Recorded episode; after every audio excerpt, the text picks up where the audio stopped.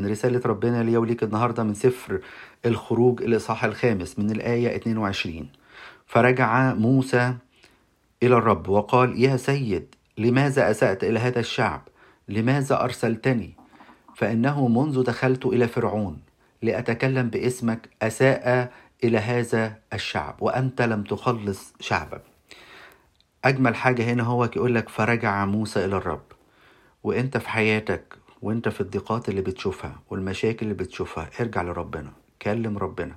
حتى لو جواه غضب موسى كان جاي غضبان لأن فرعون أساء للشعب وكان زعلان جدا جدا جدا.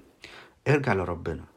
يقول لك لما أرسل التلاميذ السيد المسيح يقول لك فرجع فرجع التلاميذ وحدثوه بما فعلوا.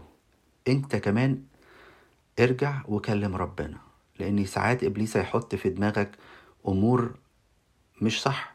لكن لما ترجع تكلم ربنا زي موسى كده هو ربنا هيصحح كل المفاهيم اللي عندك.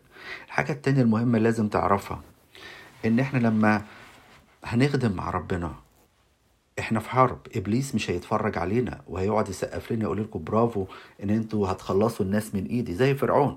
هيبتدي إبليس يقاوم وهيبتدي إبليس يعمل مشاكل. لكن ما تخافش ربنا واقف معاك.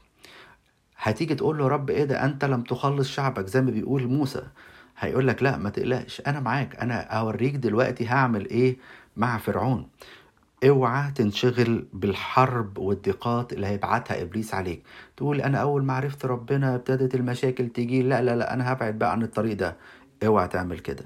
ما تقلقش ده هيجان عدو الخير على خدام ربنا وعلى أولاده ما تقلقش لكن ربنا هيكون معاك وهينقذك من يد فرعون ربنا يدينا كلنا يحمينا من حروب إبليس بشفاعته من عذراء مريم آمين.